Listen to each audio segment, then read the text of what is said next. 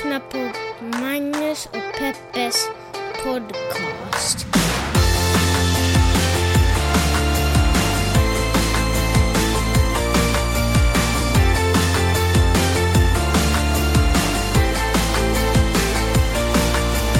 Hallå internet och hjärtligt välkomna ska ni vara till Magnus och Peppers podcast Helgspecial! Egentligen är det fredagsspecial men vi är lite sena som ni märker. Jag heter ju Magnus. Hej! Det var gulligt att du i morse vet att du kallade dig Mange. Men jag vill inte det egentligen. Det är så konstigt när du säger Mange. För att man ska få säga Mange så måste man liksom ha en liten... Vara dig nära. Man måste vara mig nära och så måste man vara svensk. Jag menar inget illa, men jag tror att man måste vara det. Det känns konstigt annars. När folk säger jag menar, Mange, det går jag inte. menar inget illa, men. jag Vet du, det jag menar betyder att jag lite illa. menar, jag menar Ja. illa. Nej, Peppe. Skämt åsido. Du får kalla mig vad som helst så länge jag förstår att det är mig du menar. Eh, den här podcasten är ju en sån eh, till sin natur att vi pratar om stora och små världshändelser. Eh, och, och så pratar vi dem ur ett feministiskt, journalistiskt och mediegranskande perspektiv. Det är ju inte alltid världshändelser vi pratar om. Till exempel vill jag ju prata lite om att vi har skaffat en Google Home och hur det har förändrat mitt liv. För nu har vi ju liksom en Ja, vi har ju en personlig assistent hemma. En liksom. femte familjemedlem, Ja, vi har, en skulle jag kunna fem, säga. vi har en femte familjemedlem. Det enda som jag tycker är störigt med Google Home eh, är ju att jag hela tiden måste ha en... Jag, har, alltså, jag kan inte variera min, introdu- min eh, vad heter det, hälsningsfras eller min... Jag reagerar inte på Yo Google. Nej, eller så här, what up G, eller något sånt. Det, det, Ingenting sånt funkar. Så det är ju det enda som är negativt, för allting annat är positivt. Jag har ju dessutom kopplat alla lampor i hemmet till, den här, till den här magiska lilla tabletten. Och eh, det är ju fantastiskt. Lyssna på det här, eh, jag vet inte om ni hör det här. Hey Google, turn off the lights in the living room. You got it, turning three lights off. Three lights off, and three Men vad lights är went det off. med män och lampor? Det första Va? min pappa frågade var, har ni kopplat den till lamporna? Ja, ljus är viktigt för oss män. Jag tror att det är något så här, det är biologiskt, det går bak till stenåldern när vi fixade elden och att vi kan kontrollera ljuset på något sätt. Ljusen och Jag känner värmekällorna. er som en gud liksom. Ni bara, hej Google, var är det ljus? Hej Google. Eh, en annan grej är att jag sitter och tittar framför mig här nu så har vi ju en del frukt i en skål. Vi har några, vad är det, grapefrukter och, och apelsiner och sådana saker. Och de här är ju inte saker vi heller har gått till butiken för att köpa utan det här har ju liksom levererats till vår dörr. Och jag börjar lite fundera på vad är det som egentligen, vi, börjar, ju- vi lever ju idag, alltså om Solkungen Louis XIV gled upp hit så skulle han vara så här. Holy schmoll, liksom det levereras Sacre cœur! Sacré-cœur, det levereras frukter till er, ni knäpper med fingrar och pratar ut i intet och lampor går på och lampor går av. Nej, men eh, vi, lev, vi lever ju som kungar. Känn, kan du känna det? Och ändå är vi ju liksom medelsvensson. Vad är det kungen idag kan göra som inte jag kan göra? Gå på strippklubb. För du är ändå feminist liksom. Fair enough. Ska vi börja snacka om eh, Quincy Jones? Ja. Det skrevs ju en eh, lång artikel, eh, okej, Quincy Jones kommer ut med sina memoarer. Och det här får man ju ändå ge honom. Snubben är ju närmare 90 bast. Bra läge att komma ut med sina memoarer. Det är ju väldigt många människor nu för tiden som knappt har kommit in i målbrottet innan de släpper sina memoarer. Det finns ju en memoarhysteri, eller hur? Att folk bara, åh, det här, jag vill berätta historien om vad jag har varit med om och de gånger mitt hjärta Det krossades. är liksom och- nästa steg från Insta-stories. Om Ja, många följer på Insta-stories då tror man precis. att folk också är intresserade av ens biografi. Ja, så är det ju. Och, och jag tror faktiskt tyvärr på något sätt att många är intresserade av ens biografi. Jag tror att de säljer ganska bra. Men varför är det tyvärr då? Ja, men det, nej, det, Alltså är, det är inte tyvärr. att läsa är ju en bra sak. Det är inte tyvärr. Jag tror kanske att det är rubriceringen jag har problem med. Att man pratar om, det sin, om sin biografi. Jag tycker att på något sätt det ordet innefattar ett, borde på något sätt innefatta... vi Ett liv. Ett, ja men typ ett liv liksom. Lite Men ett så. helt liv. Eller åtminstone liksom... man Ja, men åtminstone inte en niondels liv, liksom. Det känns inte... Anyways. Så Quincy Jones kommer ut med sina memoarer och eh, med anledning av det så gjordes det intervju, en lång intervju med honom. Och i den här intervjun så berättar han allt. Det är liksom no fucks given. Det är liksom inget... Han censurerar inte sig Ja, alls. vet du vad, det är hemskt sällan jag läser en artikel och bara hoppas att den aldrig ska ta slut. Liksom, jag ville bara fortsätta läsa den artikeln. Det Jag- finns förresten på vår Facebook-sida, Magnus Peppers podcast, där kan ni gå och läsa den. Gör det. Jag eh, kommer inte ens ihåg om den var välskriven eller inte. Det var väl lite sådär fråga, Ja, svar, fråga, svar. Svärtare frågor. Ja, så det var inget, det var inget sådär wow vilken bra artikel, utan det var bara allting han sa i den artikeln. Och allting han... Och bra content. Ant- ja, det kan man lugnt säga. Allting han antydde att han visste också. Han har ju levt hela tiden på jorden. Men hängt med Frank Sinatra. Mm. Frank Sinatra brukar ta in honom på klubbar i Vegas. Ja, precis. Eh, så när han, när han var, han slog väl typ igenom någon gång på 50 50-60-talet och sen dess har han ju varit helt i gräddan av all, all liksom det Alltså jag amerikanska... sa Frank Sinatra för att visa hur länge han har varit med. Mm, precis, men nu vet inte jag om alla vet vem Frank Sinatra är eller har någon relation till vad det egentligen betyder. Jag vill bara förtydliga att han har varit med om alltihopa. Så han får till exempel en fråga om, eh, ja, Michael Jackson. Ja, men precis. Berätta, vad är saker du har varit stolt över, bla bla bla. Och sen så berätta, vad, har du något skvaller om Michael Jackson? Ja, men Michael Jackson stal typ jättemycket av sina låtar. Eh, och, och liksom att det är girighet som driver väldigt många av de här människorna. Och så på något sätt i förbigående så får frågan, eh, jag vet, det kommer på tal typ sådär, vet du vem som sköt Kennedy? Vem som, Han bara, ja men det vet jag. Han bara, va? Säger journalisten, typ, men vem var det då? Ja men det var den här maffiabossen, men vi borde inte snacka om det, det är inte bra liksom. Det är så konstigt! Det är så otroligt, otroligt konstigt. Tänk att få möta, det, det, alltså det jag kände med att artikeln aldrig borde ta slut, det måste ju den här journalisten som fick tillfälle att träffa honom. Jag tror att han gick in med inställningen att ah, men nu ska jag snacka med Quincy Jones. Vet du, en av våra kompisar har ju intervjuat Quincy Jones också. Jaha. Alltså Frida. Frida, ja, ja. Har du talat om det med henne? Nej, men jag inser att det borde ju fasiken, alltså om hon läser den här artikeln nu och vet att hon har suttit i samma rum med den här snubben och kanske frågat, jag vet inte, vad tycker du om, om musik? Eller men, vad är bra musik nu för tiden? Nej, men jag vet inte vad hon har pratat med honom om, men oavsett. Men att få, att få ha, den här journalisten som bara tänkte att han skulle göra en vanlig intervju med Quincy, Jones inser helt plötsligt att det här är en outtömlig källa av allt det snaskiga, allt det roliga. Han är som CIA... Paris Hilton. Ja, va? Vadå? Vadå Nej, men också den här superstora skvallerbloggaren. Ja. Att han han är det, ja. liksom, fast han är real life. Ja, liksom. ja, precis. Han är ju liksom CIA-arkivet, han är Vatikanens katakomber. Liksom, han, han är ju det som jag upplever händer när man dör, att man får den totala insikten om hur allting hängde ihop i slutändan på något sätt. Det, det är min dröm, för att jag har... Jag älskar när han talar om Marlon Brando till exempel. Så här, used to go cha-cha dancing with us. He could dance his ass off. He was the most charming motherfucker you ever met. He'd fuck anything, anything. He'd fuck a mailbox. James Baldwin, Richard Pryor, Marvin Gaye. Det är så konstigt! Och då går Richard Pryors änka ut och säger att ja, det stämmer, de hade sex. Men Richard Pryors dotter går ut och säger att det stämmer inte, de hade inte sex. Vad vet, vad vet Dotter, jag menar, hur mycket vet man om sina egna föräldrars Som vi pratade om eh, förra veckan tror jag, eller förra avsnittet. Vad känner man som barn egentligen sina egna föräldrar? Och uppenbarligen inte. Men jag tycker också, alltså hur han så avslappnat, det är inte så att han bara stannar upp och bara, nu ska jag berätta någonting som du inte har hört. En grej som du kanske inte visste om Marlon Brando. Utan det här är bara någonting som, han har levt med det här så länge så att det är en är del av han- konstigheter. Nej, det är en del av hans byrålåda med strumpor i. Alltså han bara, han nämner de här sakerna som att, journalisten och med säger, vad, vad, vad, vadå? Alltså, säger du att han hade sex med Richard Pryor? Som dessutom gjorde en karriär med att ha homofobiska skämt och var, var liksom supermacho på scen. Eh, så bara, ja, alltså he, he didn't give a fuck, he'd fuck anything. Alltså det är så, det är så otroligt underliga saker. Tänk att, alltså jag är så, det här är ju större än Google Home, kan jag känna. Den här artikeln. Kommer Ja. du att läsa om den? Jag tror faktiskt det. Jag tror att jag måste liksom... Jag tror att nu när chocken har lagt sig över vad den här artikeln egentligen innehöll så måste jag nog gå tillbaka till Läsa och forska. Ja.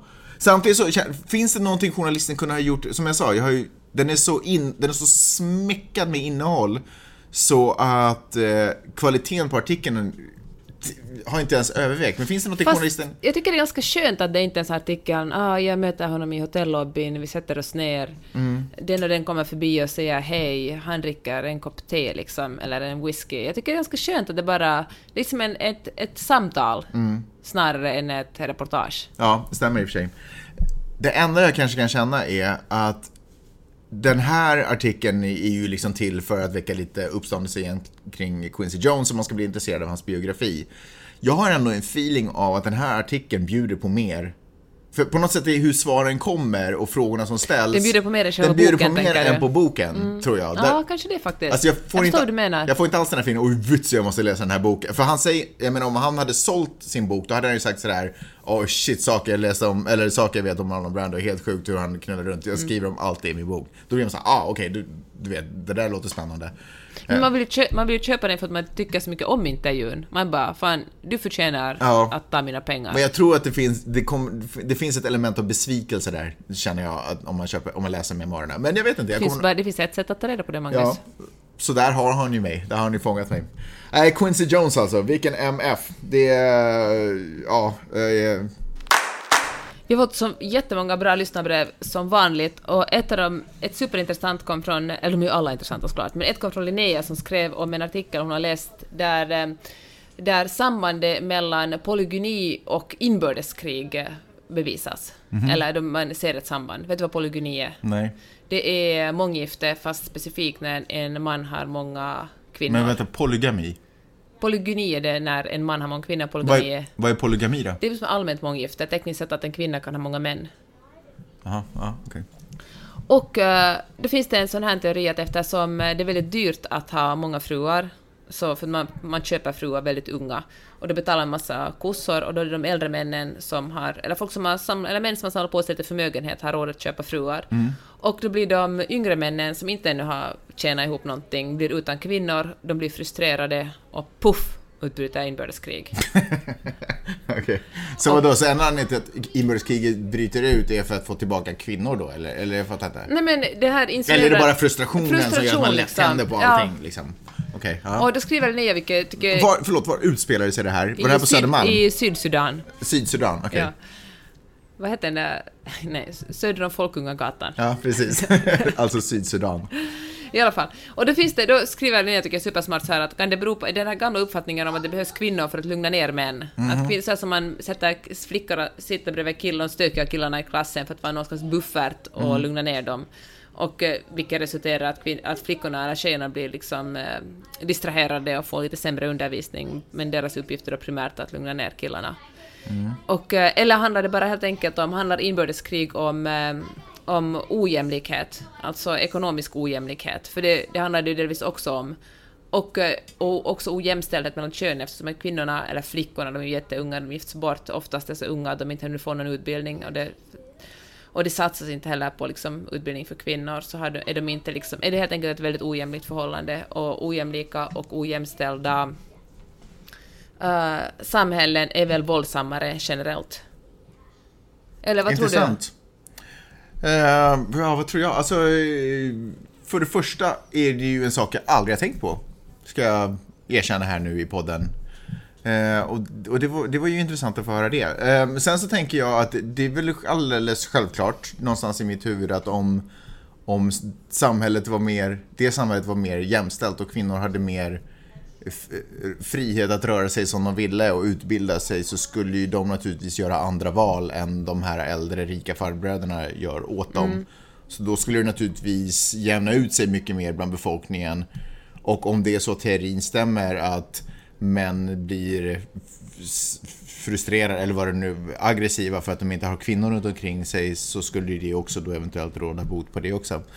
Men frågan är väl kanske, eller är du, är, är, pratar vi också om om det är Alltså är det ett idiotiskt tankesätt att resonera att män blir frustrerade om de inte har kvinnor runt omkring sig? Jag vet inte, hon skriver också så här att... Är det bara- sexu- sexuell frustration till exempel, är det det vi pratar om eller? Ja, men de kan väl ha sex med varandra? Ja men det kanske de inte Ja, alla men då vill. kanske vi inte kan ha just där. Dessutom. Eller vill. Ja, men, ja. Nej, nej, jag tror inte det handlar bara om sexuell frustration, utan det handlar helt enkelt om någon slags eh, vilsenhet. Och eh, det finns ett exempel... Men det är ju en rubbning av balansen, Ja, eller hur? Så det är väl precis. inte helt konstigt, eller svårt att tänka sig att någonting abnormalt händer om man rubbar balansen. Liksom. I den här eh, artikeln, det, det är en lite konstig kvinnosyn, det blir ju en konstig kvinnosyn kanske också, men här jämför en av dem som de inte, eller inte alls konstig, en vidrig kvinnosyn som man har. Men eh, hur, eh, när en man, att om en rik man har en Lamborghini, så betyder det inte att en fattig man måste promenera eftersom en fattig man kan köpa en billigare bil. Det liksom finns ett... eh, Men vad är, metaf- är det metafor det där, eller vad pratar Ja, du om? det är en metafor För- som en av... För, men då säger så här att då, kan, då behöver inte fattig man gå, men, efter, men om en rik man har en massa hundra fruar, Mm. det är ju kanske extremt, men om en rik man har fem fruar, betyder det att det finns färre Ja, kvinnor för de sätt, ja. Mm. yngre männen att välja på. Men sen så kan jag tänka mig så här, eller det jag kanske tycker är en liten tankevurpa, speciellt om man gör likheten att man delar bråkiga män, eller pojkar, förlåt, bråkiga pojkar i klassen. Man delar upp dem och placerar en tjej emellan för att de ska lugna ner sig. Jag tycker kanske inte riktigt att det är samma sak därför att när vi är vuxna så pratar vi ändå om möjligheten att finna sin egen kärlek och det kan ju skapa ett lugn i en människa, du vet att man har hittat en, en livskamrat, en partner på något sätt. Och det är ju inte riktigt frågan om barn som är stökiga i klassen. Det, förstår du vad jag menar? Fast nej, nu förstår jag inte riktigt. Nej, men jag menar att, att, eh, att om det här, om, i det här samhället i Sudan, om, det, om, om, eh, om kvinnorna, så att säga, nu uttrycker jag mig klumpigt och fel, men om kvinnorna fördelades jämnare bland männen, nu ska det ju förstås inte vara på det sättet, men om kvinnorna fördelades jämnare bland männen, så då skulle de här frustrationerna eh, upphöra. Tror du det? Nej men... Ja, det- för det var inte- enligt teorin liksom, Var inte det en teori? ja. Med, med basen, eh, liksom med, med likheten att i till exempel bråkiga klasser, där pojkar bråkar mycket, så om kvinnorna fördelar, fördelas jämnt i det, eller tjejerna fördelas jämnt i det klassrummet så lugnar alla Mm. pojkarna ner sig. För att, kvin, eh, för att flickorna har den här lugnande effekten då, på att det skulle vara Mm. deras uppgift. Men jag tycker kanske inte att det är riktigt samma sak. Eh, en, ett stökig klass är inte riktigt samma sak som ett frustrerat samhälle. Förstår du vad jag menar? Ja, jag För att i det, i det frustrerade samhället så handlar det ju om männens möjlighet att också, och kvinnors möjlighet naturligtvis också, att, att finna en livskamrat, en partner. Och det är klart att om man är lyckligare med sin omgivning så då är man ju säkert också lugnare och Mm. Ja, till, men mer det skriver faktiskt Linnea också. Så skriver hon, fast det är intressant att tänka på kopplingen mellan inbördeskrig och mång- månggifte, även, även om jag inte ibland undrar om sambandet mellan är arbiträrt till viss del. I fattiga utsatta områden finns det säkert många unga män som känner sig frustrerade och förbisedda. Jag mår dock lite dåligt över att det kopplar ihop ilska med brist på tjej, vilket implicerar att det enda som, gör män eh, det enda som kan göra män lyckliga är att ha en kvinna som kan se efter dem och kanske blir deras slagpåse. Fast där är... Jag fattar det också, men, men jag tycker att om man pratar, om man använder ordvalen på det sättet, då blir, då, då cementerar man ju också i argumentationen att kvinnor är bara till för att tillfredsställa män. Medan att bristen på att ha en kvinna i sitt liv kan ju vara en tomhet därför att man vill ha en partner. Förstår du vad jag menar? Det behöver inte... Det, behöver, Fast jag i tänker att det här samhället där att- kvinnor har så otroligt mycket lägre status än, jag säger inte att kvinnor inte ska ha lägre status i vårt samhälle heller, men just i det här liksom, samhället har de så otroligt låg status. Mm. Nu kanske generaliserar jag kanske mycket, men om man tänker med det här med att det är status att ha bara många kvinnor, så kanske männen kan hitta partnerskap i sina kompisar och få liksom den frustrationen kommunicera på det sättet och hänga med kompisarna. Jag menar om man inte tänker på det sexuella specifikt. Och, men då tänker jag på det som kanske också Linnea ha- skrev om att det kanske mer handlar om en helt enkelt liksom klyft, klasskillnader och liksom eh, ekonomiska klyftor. Att ju mindre, mindre jämlikt ett samhälle är, desto oroligare och våldsammare är det. Ja, det, håller jag väl med. Eller det kan jag väl se, vad vet jag. Men det kan jag väl se. Och att, men, då, men då bidrar det här månggiftet till att bibehålla det också ganska ojämlikt. Det liksom rör sig ju inte mot ett... Det, det rör sig inte mot ljusare tider om vi säger så. Nej. Får jag bara göra en liten parallell till det där vi snackade om eh, surrogatgrejen eh, tidigare. Det här, um, de här rika männen som samlar på sig kvinnor, där kvinnor då på något sätt har blivit troféer och, och som kanske egentligen kanske är, ursprung, är sprunget ur någon form av tanke av att att det är fint för mig att bli utvald av en eh, kvinna. Då är jag en extra manlig och bra man om en kvinna vill ha mig. Liksom. Eh, men de här äldre männen har ju glidit mer åt det här hållet att eh, symboliken är Status. kvar men nu används det som status och eftersom jag har det här hålrummet i mitt liv så kan jag istället ta fram min pengabinge och liksom köpa de här troféerna in i mitt liv. Men vad hade med surrogatmödraskapet att göra? Därför att vi pratade om här att istället för att ta hand om det här hålrummet i sitt liv så tar man fram sin pengabinge och köper det som saknas mig. Förstår du vad jag menar? Ja, fast nu tycker jag du är ute på hal is. Vi ska tala mer om det här senare, men när vi längtan efter ett barn. Ja. Det, Men- jag längtar efter det tredje barnet framförallt. Ja, just det. precis. Ja, ja, men kanske, men jag tycker det var, jag lägger upp den här, eh, den här artikeln på vår Facebook-sida. Hej! Har du frågor och kommentarer så kan du mejla min mamma och pappa på Magnus och Peppe snabel A, gmail.com. Gör det!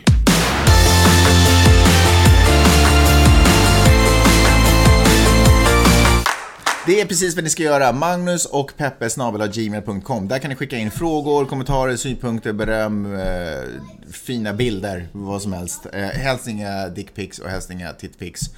Eh, men om det är befogat så skicka naturligtvis det också. Eh, sen på, kan ni också kontakta oss på Facebook-sidan. Eh, Facebook snedstreck Magnus och Peppes podcast. Och sen kan man också gå in och kommentera på din blogg, janetteochman.com. Roliga med just den bloggen är att om man tittar i högerbalken, det vill säga om man sitter vid sin laptop, så ser man en Paypal-symbol. Där klickar man för att helt enkelt eh, inleda sin prenumeration av den här podden. Och det kostar 2,80 euro i månaden. Och då får man mellan fyra och åtta avsnitt. Jag sitter faktiskt eh, och funderar lite på, för det är ju, ni är ju väldigt många, nu börjar det bli väldigt många som faktiskt gör det här och det är ju helt, det är framtiden. Så jag, ja. Det är faktiskt framtiden. Jag Ja. läste just att, eh, att New York Times har fått eh, 60% av deras intäkter kommer nu för tiden från eh, prenumeranter. Mm. Och alltså inte pappersprenumeranter utan eh, vad heter det? Digitala prenumeranter. Digitala prenumeranter Mm. som man säger på tidningsspråk. Digitalkunder. Mm. Eh, DN hörde jag i slutet på förra året kom upp till eh, 100 000 betalande digitalprenumeranter. Superroligt. Så det är ju... Men alltså att betala för innehåll är Nej, framtiden. men det är väl självklart att man ska... Framtiden, vet du vad? Det var ju inte länge sedan det var självklart man gjorde... Det är så konstigt. Nu har vi, vi har hamnat i något så här litet vakuum där vi, prat, där vi på något sätt känner att vi har aldrig betalat för innehåll. Men vi har ju alltid gjort det. Det är ju bara några år här emellan då vi stal filmer på Pirate Bay och där vi kunde läsa Aftonbladet gratis. Och det kan vi ju fortfarande också. Det är bara den här lilla... Vem som nu vill det. Det här är ju liksom lilla, den här lilla bubblan. Vi, vi ska bara liksom, där vi har varit, bubbla och nu Mm. till det som är det vettiga, det vill säga att vi betalar för det vi gör. Vi, precis som vi gör i affären när vi tar mat. Vi går via kassan. Så. Anyway, superstort tack för ni som gör det. Men jag satt och funderade på att eh, jag skulle vilja göra någonting extra för er ändå. Um, för vi sitter ju nu med en massa mailadresser för ni har registrerat er och sådär. Så då, jag, jag vet man inte vad. Och jag först tänkte så här, men man kanske borde trycka ut ett extra avsnitt för just er, men det, det bara hinner vi inte. Alltså det går inte. Eh, men eh, kanske ett imorgon, jag vet inte. Kom gärna med förslag på vad ni, om ni, någonting ni känner att ni skulle vilja ha någon form, någon form av mervärde. Premiumkunder. Ja, nakenbilder på mig och Peppe eller något annat. Alltså photoshoppat förstås. Peppe, du behöver inte se så rädd ut. Eh, eller någonting eh, annat, jag vet inte. Vad skulle det kunna vara? Du, har jag tappat ja, dig? Ja, du tappar mig. Okej. Kan vi gå vidare nu? Yes. Ska bara komma med lite mer kompletterande info. Det är det så att du sitter med din telefon i handen, vilket du troligtvis gör när du lyssnar på den här podden, så kan du också gå in på janetteochman.com på din telefon. Då är Paypal-symbolen inte i högerbalken, utan då måste man scrolla ner lite så är den där långt där nere någonstans. Så happy scrolling! Tack Marie för att du tipsade oss om det här. En kommentar som riktar sig till dig, Magnus. Eh, Linda som skriver... Det är Eh, samma Linda. samma Linda som vadå? Som det var Linnea just. Som det inte var som du läste kommentaren av innan. Exakt, det är precis vad det är. I alla fall, hon skriver så här. Hur kan det ha tagit nästan åtta år för dig Magnus att inse att man måste ställa om Jesus, är det vissa här delar... aggressivt? Skulle du inte ha varnat mig? Okej. Ställa om vissa, det är inte alls, det är bara väldigt snällt.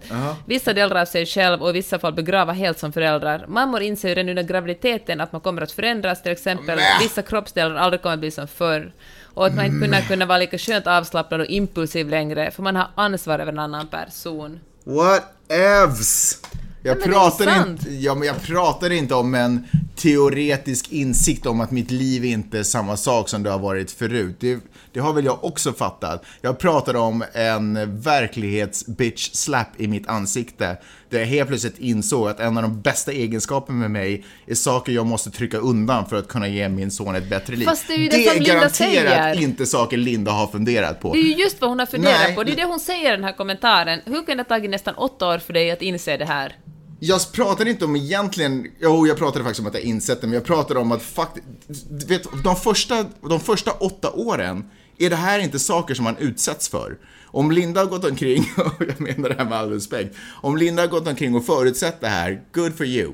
Men Linda har garanterat inte i, i de här åtta åren utsatts för det. För man, Vadå? För man, för man, nej, Vad menar men, du med det? Så Linda har ju märkt redan under graviditeten, oj nu kommer det en ny fas i mitt liv, den gamla Linda finns inte Ja. längre. Eller Peppe eller... eh, men det fattar väl jag också? Det fattar jag Ja, också. så ledde det inte i förra avsnittet. Nej men det, inte, det var ju inte alls det jag pratade om. Jag pratade om att nu är min son så pass stor att han ger mig ett helt annat... Mina, mina arbetsuppgifter, är helt, mina skyldigheter gentemot honom ser helt annorlunda ut än vad de har gjort till dags dato egentligen. Tidigare har det bara varit för mig att liksom få honom att somna, få honom att vakna, få mat i honom, se till att han växer, hålls frisk, ha varma kläder på sig när det är kallt ute, ha kalla kläder på sig när det är varmt. Alltså praktiska saker som naturligtvis har förändrat mitt liv, men som inte, är en, som inte inkluderar en stor insikt.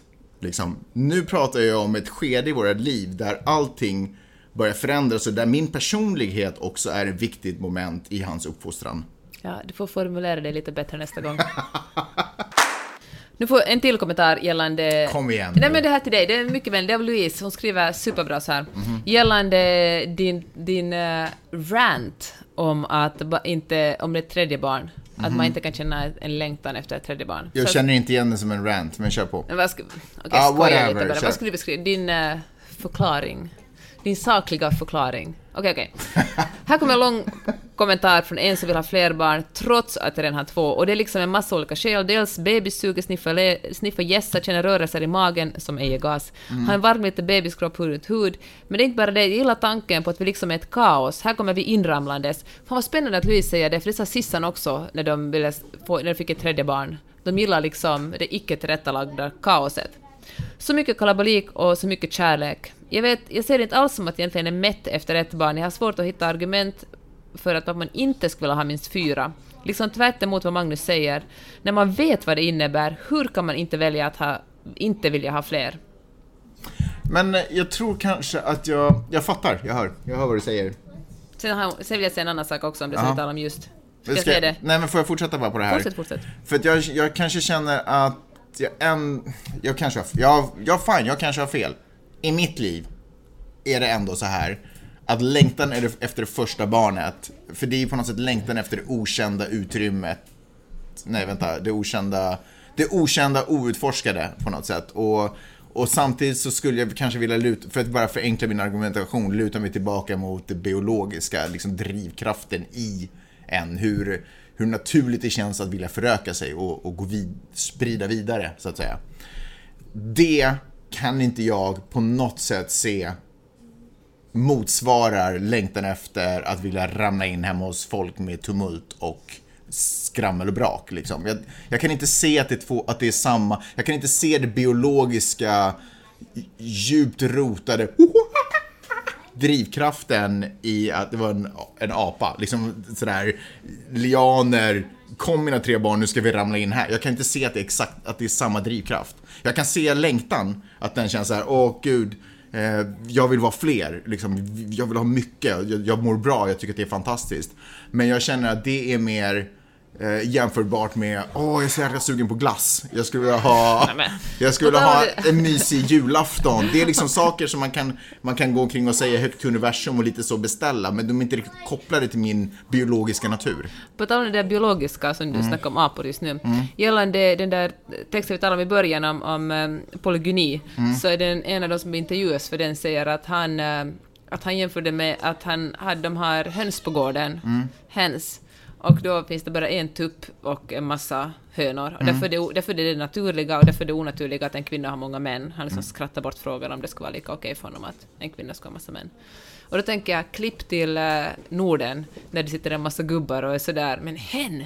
Det betyder ju... Det är ju det höna. på engelska. Hur man liksom formar sin argumentation efter det som passar bäst en, en liksom. Ja. Sydsudan, så här lever hönor, då ska vi också leva så här. Klipp till Sverige.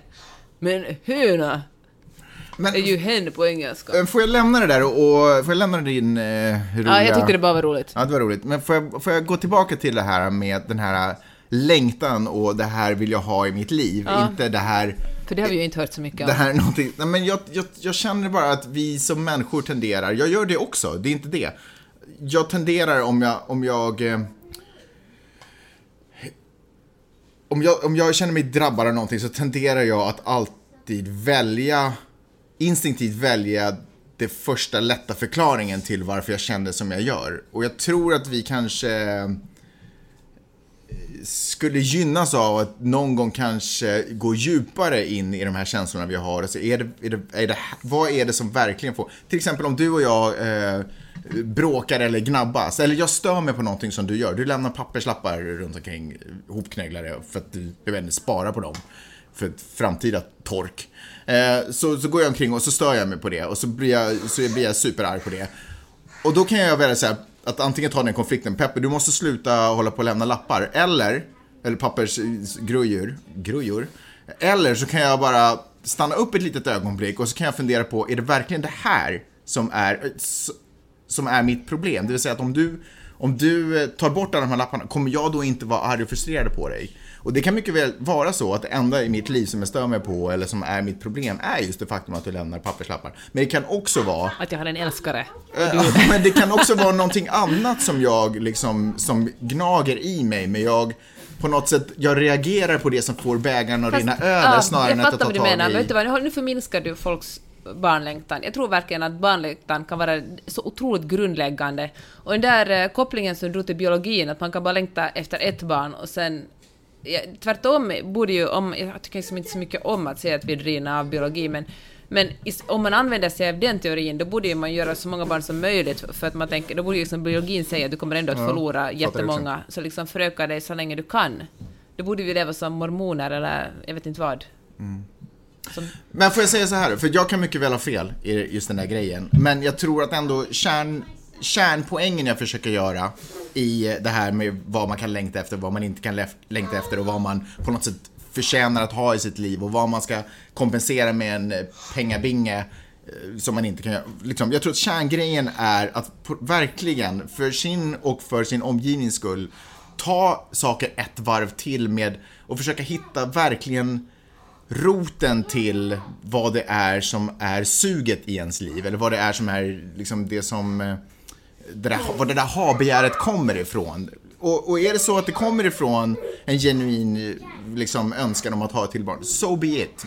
Jag tänker inte vara kockblocka där. Men om det inte är det, om det är något annat tomrum som man fyller, så då kommer man inte för det första att bli lyckligare. Och istället så har man bara skapat... Tänk om man blir det? Ja, men nej, för man kan inte, man kan inte fylla ett tomrum med, Alltså ett tomrum måste fyllas med rätt saker. Man kan inte fylla det med någonting annat än vad tomrummet behöver. Jag tror inte på det. Jag bara tror inte på det. Det tomrummet kanske, det, då lägger man bara ett plåster, men det kommer vittra sönder snart ändå. Så är man i samma situation igen. Det kommer att lossa i simhallen. Ja men typ, liksom. Det, men hör du, jag kan, okay, jag kan, jag kan tänka så här, jag tror att när um, man som kvinna närmar sig 40 eller 45 eller jag har ju en väninna som fick barn när hon var 48 eller 49. Mm. Men i alla fall, men jag tror att, att det finns något magiskt när man eh, känner att okej, okay, nu måste jag bestämma mig. Antingen blir det nu, eller så blir det aldrig. Och jag tror att det... Och då, väljer, då är det kanske folk som väljer nej, nu blir det nu, eftersom aldrig är aldrig. Mm. Det är liksom nu eller aldrig, better safe than sorry, då gör vi det och ser vad som händer. Jag kan eventuellt, om jag måste gå över till din sida, säga att det finns någonting där. Men jag tror samtidigt också att eh, en längtan efter barn är liksom, kan sitta så otroligt djupt. Mm. Att det liksom inte fine. kan rationaliseras bort. Fine, fine. Men också jag tänker på alla så bråk man har haft och så har man bråkat om saker som egentligen inte var ens problem. Där problemet kanske till och med var att jag har känt mig osedd och oälskad mm. den senaste tiden. Men istället så projicerar jag det genom att börja eh, ge glir, gliringar i hopp och få någon form av reaktion som gör att den, du vet att man bara skapar ett kaos kring helt fel saker därför att man inte kanske vågar eller vill eller ens är införstådd med vad ens egentliga problem är på något mm. sätt. Ja, jag förstår det. Det var vad jag försökte säga. Ja. Så skriver Louise en sak till också. Ja. En sak till, angående vem man är framför sitt barn. Det, man är ju komplex som människa och det kommer barnet att märka eftersom man inte kan föreställa sig. Med vänner har man liksom utvalda sidor och är man riktigt många sidor, med det, även om man har riktigt många sidor, de nära vännerna med sina barn och partner är man hela sig själv vare sig man vill det inte, och jag tycker det är fint. Även om det kändes hårdna, ruttna, även, även om det kändes hårdna, ruttna och dåliga sidor. Men man kan också vara uppfostrande och rolig, och det tror jag faktiskt Magnus är, för om man hör Peppe i, det, om man hör Peppe i detta avsnitt, herregud så är dålig på att läsa. Det är ju inte enbart sina bästa sidor, man är alla sina sidor, för man är förälder hela tiden, hela tiden! Sån chock när jag insåg det. Mm. Det är sant. Ja, det var, tycker jag, bra formulerat. Ja. Så du behöver inte ha någon ångest över att du är den tråkiga, arga pappan. Jag är ju den roliga arga pappan om vi ska vara helt ärliga. Du är den tråkiga, glada föräldern. Och så går vi vidare. I just got word that the House historian confirms you have now set the record for the longest continuous speech in the House since at least 1909. Den här rösten tillhörde ingen annan än Nancy Pelosi, en av eh, toppdemokraterna här i, i USA förstås. Hon var väl för detta talman också. I representanthuset. I, representanthuset.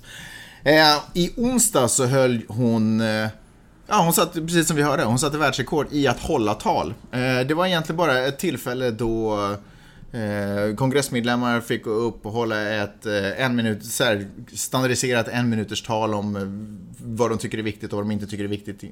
Eh, men eh, Nancy Pelosi gör aktionen att hon stannar kvar och i åtta timmar i högklackat står denna 77-åriga dam, jag säger bara högklackat för jag tänker att det är en belastning. Nej, men jag är verkligen imponerad av att ens tänker på det. Att du Ja. förstår att det är obekvämt att stå i högklackat. Här, alltså stå, Hoppas hon hade puffar under trampdynorna. Jag hoppas att hon hade puffar under trampdynorna. Eh, och 77-årig dam dessutom, ska jag säga. Eh, som eh, står och håller tal och bara pratar och pratar. För, hur länge skulle du kunna prata? Alltså, jag menar sådär om du... Nu ska du hålla tal. Go!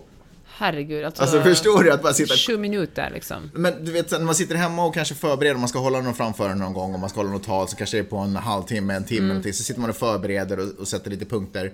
Men hur förbereder man ett åtta timmars tal? Liksom, ja, så Det finns ju folk i ens bekantskapskrets som kunde pull it off. Ja, nu kanske ni undrar varför jag överhuvudtaget tar upp det här. Och jag tar egentligen upp det här därför att jag vet att den senaste tiden så har jag haft en ganska cynisk inställning. Jag känner det själv att jag har haft en ganska cynisk inställning till politiker.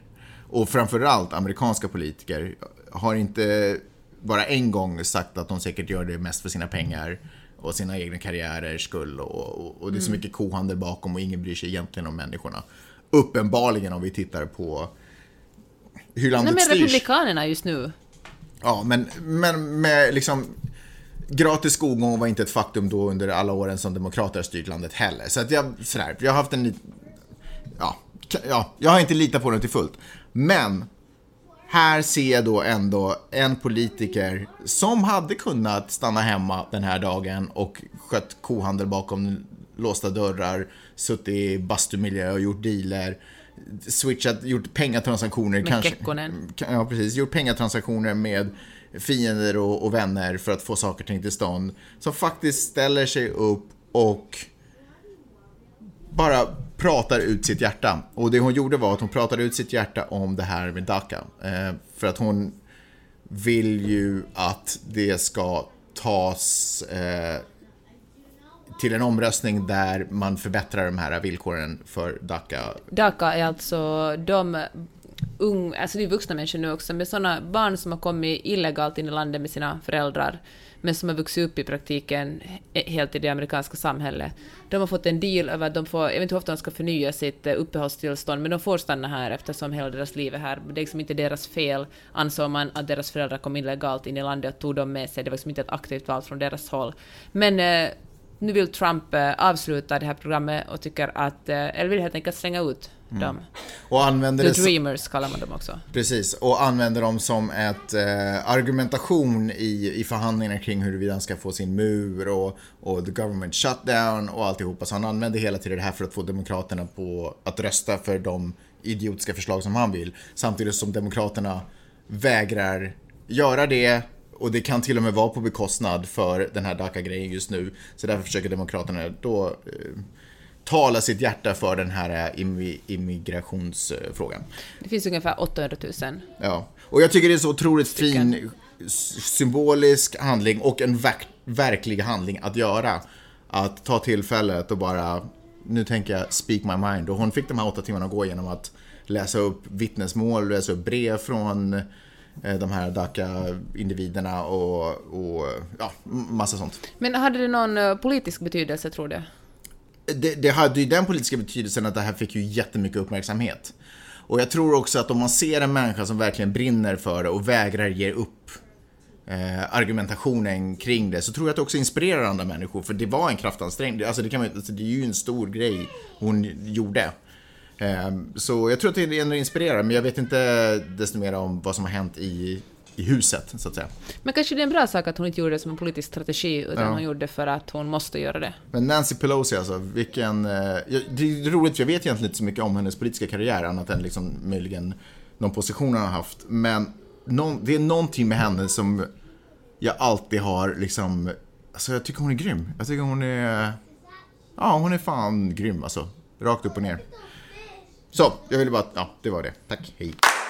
En liten varning för er Instagram-användare, från med nu kan ni inte ta screenshots längre utan att den som blir screenshotad märk, shoddad, Trodad. m- märker det. Brukar du göra det? Nej. Jag gör jag gör det ganska ofta. Va? Nej men gör det. Varför då? Varför? Gud vad onödigt. Varför då? Nej men till Det är exempel... bara att gå tillbaka till kontot och vi ser bilden igen. Nej, tvärtom gör det här. Vi talar om att ha en snygg frisyr. Jag stod en, en screenshot på min kompis Hannas frisyr och skickade den till min kompis Anna. Och det här är inte ens fingerade Kan namn. du inte bara tagga, kolla frisyren? Ja. Men ibland måste man också ta screenshots. Nej, det måste man Fast inte. nu är det slut på den saken. Gud vad gott. Varför då? För att nu vet... eh, Okej, ibland tar man ju dem också för att få så att men herregud, det här är inte okej. ja. Men är det farligt att den andra personen vet om det? Eller vad, vad spelar det för roll? Du vet ju inte varför. Herregud, har du aldrig gått högstadiet? Tydligen inte. Hörni, tack så hemskt mycket för att ni har lyssnat den här veckan. Jag tycker att vi eh, drar ett streck över det här nu. Jag är färdig. Men vi är tillbaka om några dagar. Hörni, tack för att ni lyssnade. Ja, och glöm inte att återkoppla. Jag skulle verkligen, jag skulle tycka det var kul om vi kunde hitta på någonting extra för er som, som eh, gör det enda rätta, nämligen att betala.